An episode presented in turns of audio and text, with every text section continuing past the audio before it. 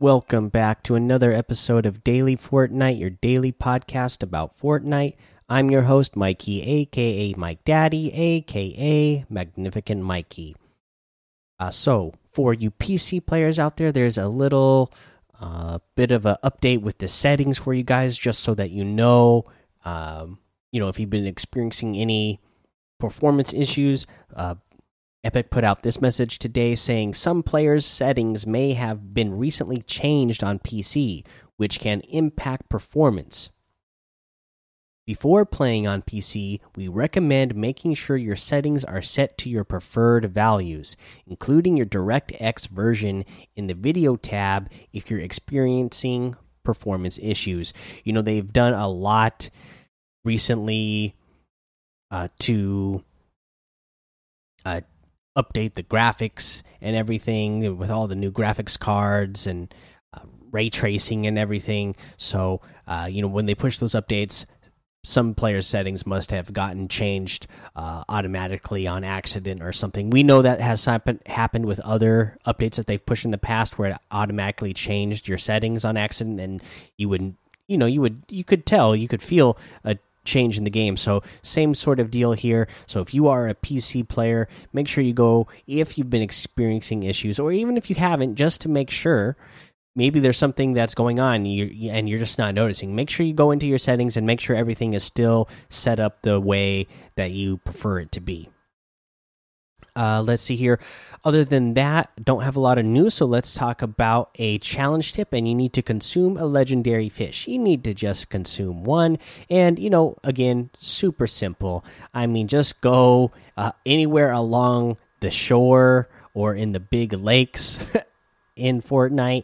Land there, you know, get yourself a fishing rod and uh, start fishing. You know, a great place to do it is at Craggy Cliffs because they have that one fishing shop. So you know you're for sure guaranteed to get a fishing rod there. There's so many barrels to break there that have fishing rods in them that you could end up with the pro fishing rod, which is going to increase your chances uh, of getting a legendary fish, and also the harpoon guns are in there as well. So also will increase your chance of getting the the harpoon guns. And there's a lot of fishing spots right around that Craggy Cliffs area, and then there's a lot of fishing spots to the west of Craggy Cliffs at that island in D1, that big island there. There's always a ton of fishing spots in there. So that's the kind of area that I suggest going to get this challenge done because you're just going to get a lot of fish. You know, you could also go down to the Slurpy Swamp area, uh, the south end of Slurpy Swamp.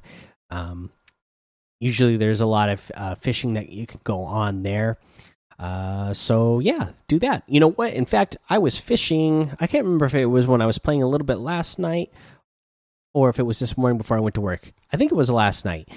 Anyways, uh, I set two new records out of everybody on my friend list. There was two. I don't remember what the fish were, but there's two different fish that I set the record for now out of all the friends on my friend list, and I have like a couple hundred of you on the on the on the uh, on my friend list here. So uh, you know, uh, but I'd love to hear more fishing stories. We have a a uh, channel for uh, fishing in in Fortnite called Real Big Fish uh, in the Discord, where people you you can go in there and post uh, you know all the fish that you've been catching and whatnot.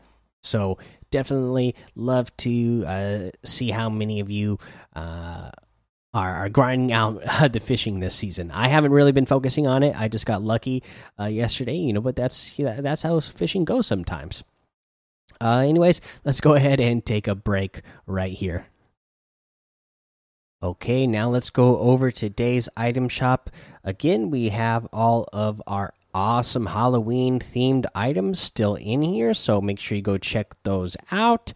Uh, again, I'm not going to go over all of them. We'll just go over the new stuff that was added in today, and we got some good stuff. Okay, uh, I saw this one in the leaks quite a while ago, and I was super excited for it, and I'm glad it is here now. I think it looks really cool. This is the Victoria Saint outfit, Vampire Hunter of the Old West. It comes with the Slayer's saddlebag back bling, garlic infused, and crypt rated.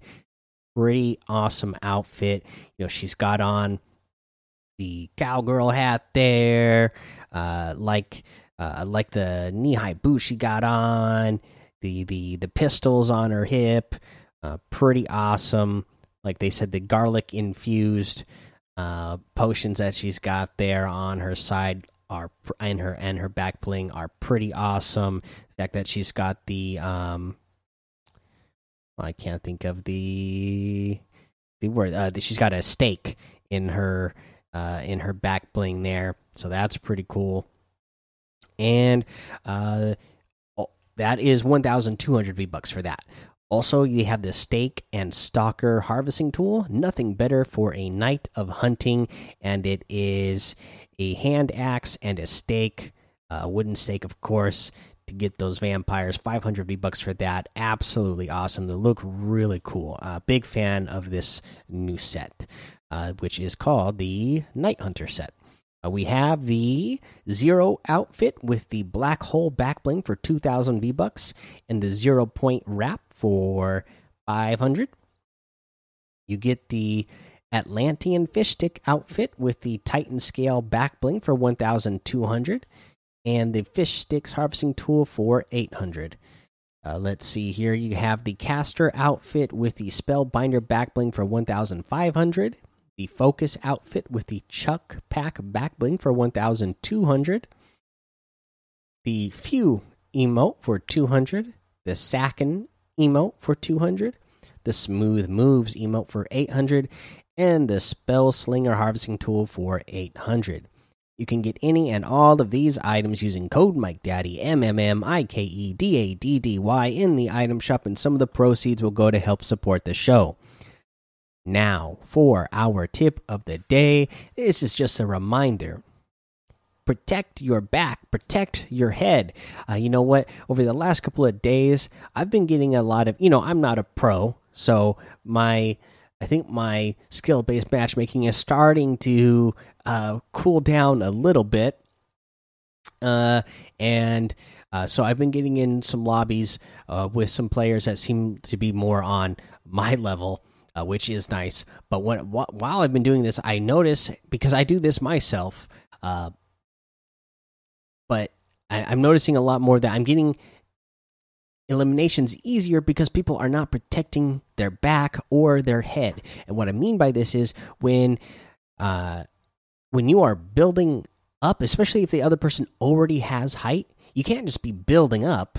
You need to okay, so you're say the the the player th there's a player above you. You need to make you need to set up a situation. You need to set up the the pieces so that you have a floor above you, so that your ramps will have something to build on. But you need to build the ramp that you are going to run on, so the you know you're going to be looking forward. But you also need to be, you know, looking up and down just periodically, just enough so that you're building above you and below you on your feet so that you're running and then those ramps are you know protecting your back and your head.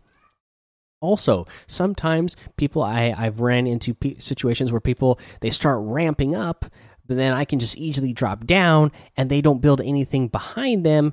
And then, boom, I just have a perfect tunnel to shoot at them uh, up the ramp, or say that they started tunneling away. They don't have anything, they just started building a whole bunch of floors and started running, but they don't have anything else to protect them. You got to make sure every once in a while you turn back and set up a wall behind you even if it's just like every like three or four tiles make sure you set up something behind you that way uh, it's not easy pickings for the person who was chasing you in the first place. They have to break through something to get to you, so they that should at least slow, slow them down enough to the point where you can get yourself in a better situation to heal yourself, uh, or maybe now you you know that there's only one wall there, so maybe you catch them in a situation where they have exhausted their ammo and they're in the middle of a reload. Now you edit that wall back open and then you start taking your shots, and now they're on the run, uh, you know, and weakened. So uh, just remember to, to make sure you're protecting yourself out there.